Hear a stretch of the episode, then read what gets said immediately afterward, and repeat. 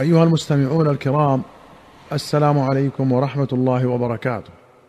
في كتاب الفتن والملاحم وأشراط الساعة أخرج أبو داود والبزار والطبراني في الكبير بسند حسن عن جبير بن نفير قال جاء المقداد بن الأسود في حاجة فقل نجلس حتى نطلب لك حاجتك. فجلس.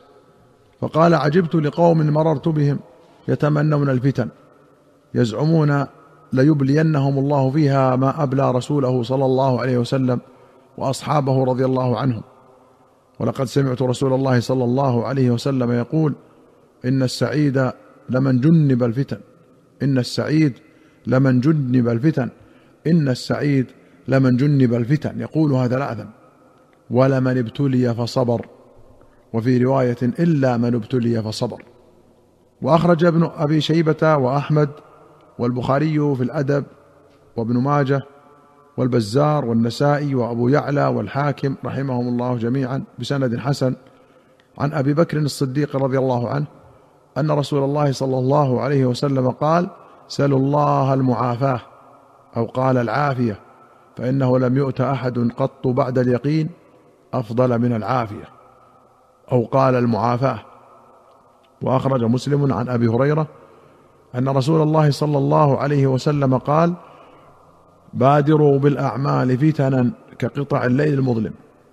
يصبح الرجل مؤمنا ويمسي كافرا أو يمسي مؤمنا ويصبح كافرا. يبيع دينه بعرض من الدنيا.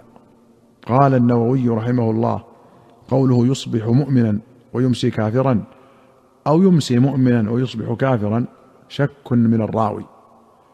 وهذا لعظم الفتن. ينقلب الإنسان في اليوم الواحد هذا الانقلاب. وفي الحديث الحث على المبادرة بالأعمال الصالحة قبل تعذرها. نعوذ بالله من الفتن ما ظهر منها وما بطن. وأخرج ابن أبي شيبة وأحمد وابن ماجة وأبو داود والترمذي وابن حبان والبيهقي في السنن رحمهم الله بسند حسن عن أبي موسى رضي الله عنه أن النبي صلى الله عليه وسلم قال إن بين يدي الساعة فتنا كقطع الليل المظلم. يصبح الرجل فيها مؤمنا ويمسي كافرا. ويمسي مؤمنا ويصبح كافرا. القاعد فيها خير من القائم والقائم فيها خير من الماشي والماشي فيها خير من الساعي. فكسروا قسيكم وقطعوا أوتاركم واضربوا بسيوفكم الحجارة فإن دخل على أحدكم بيته فليكن كخير ابني آدم. قال في مرقاه المفاتيح قوله فليكن كخير ابني آدم أي فليستسلم حتى يكون قتيلا كهابيل ولا يكون قاتلا كقابيل. قال الإمام أحمد الإمساك في الفتنة سنة ماضية واجب لزومها فإن ابتليت فقدم نفسك دون دينك.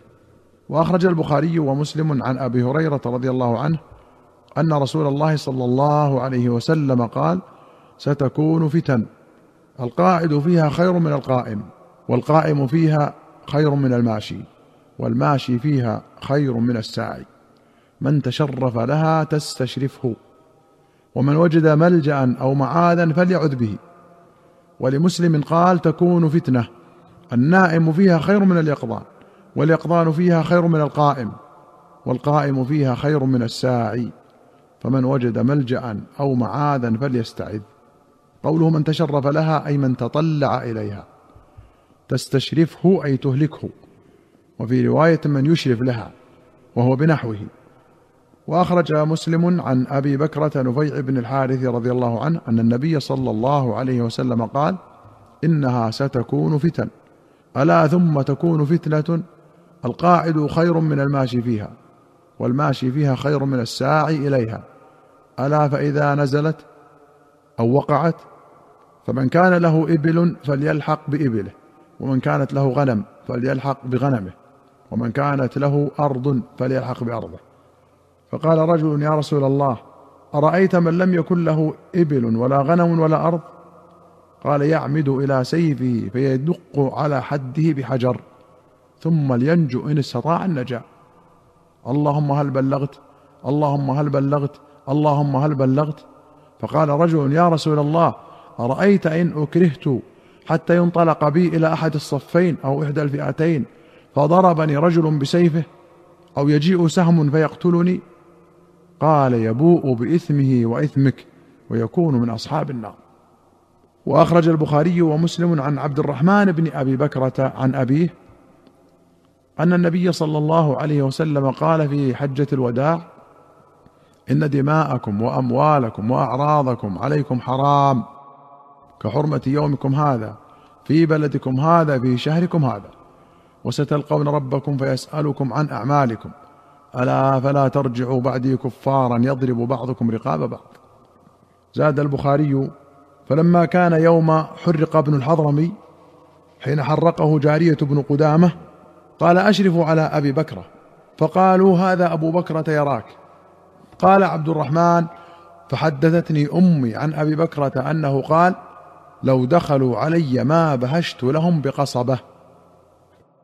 سبق الحديث بطوله قريبا في كتاب بدء الخلق وسبق طرف منه في باب كتابة الحديث النبوي وروايته. وجارية بن قدامة هو عم الأحنف بن قيس وابن الحضرمي عمه الصحابي المشهور العلاء بن الحضرمي. وكان معاوية وجه ابن الحضرمي إلى البصرة ليستنفرهم لقتال علي. وجه علي جارية بن قدامة فحصره فتحصن ابن الحضرمي في دار فأحرقها جارية عليه ومن معه. ثم قال أشرفوا على أبي بكرة ليختبر إن كان محاربا أو بالطاعة وكانوا قالوا هذا أبو بكرة يراك وما صنعت بابن الحضرمي فربما أنكر عليك بسلاح أو بكلام قوله رضي الله عنه ما بهشت بفتح الهاء وكسرها. أي ما أسرعت إليهم أدفعهم عني. إيمانا منه رضي الله عنه بحرمة قتال المسلم ووجوب اعتزال الفتن تماما. وأخرج البخاري عن حرملة مولى أسامة بن زيد قال أرسلني أسامة إلى علي ليعطيني. وقال إنه سيسألك الآن فيقول ما خلف صاحبك؟ فقل له يقول لك لو كنت في شدق الأسد لاحببت أن أكون معك فيه ولكن هذا أمر لم أره. قال حرملة فسألني فأخبرته فلم يعطني شيئا. فذهبت إلى حسن وحسين وابن جعفر فأوقروا لي راحلتي. قوله أرسلني أسامة إلى علي أي من المدينة إلى الكوفة يسأله مالا. وشدق الأسد جانب فمه من داخل. وقوله أوقر راحلتي الوقر الحمل والراحلة البعير القوي أي حملوا بعيري ما اطاق حمله.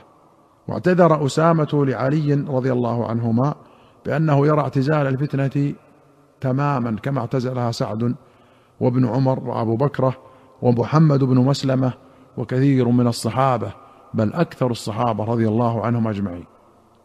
أيها المستمعون الكرام إلى هنا نأتي إلى نهاية هذه الحلقة. حتى نلقاكم في حلقة قادمة إن شاء الله. نستودعكم الله. والسلام عليكم ورحمة الله وبركاته.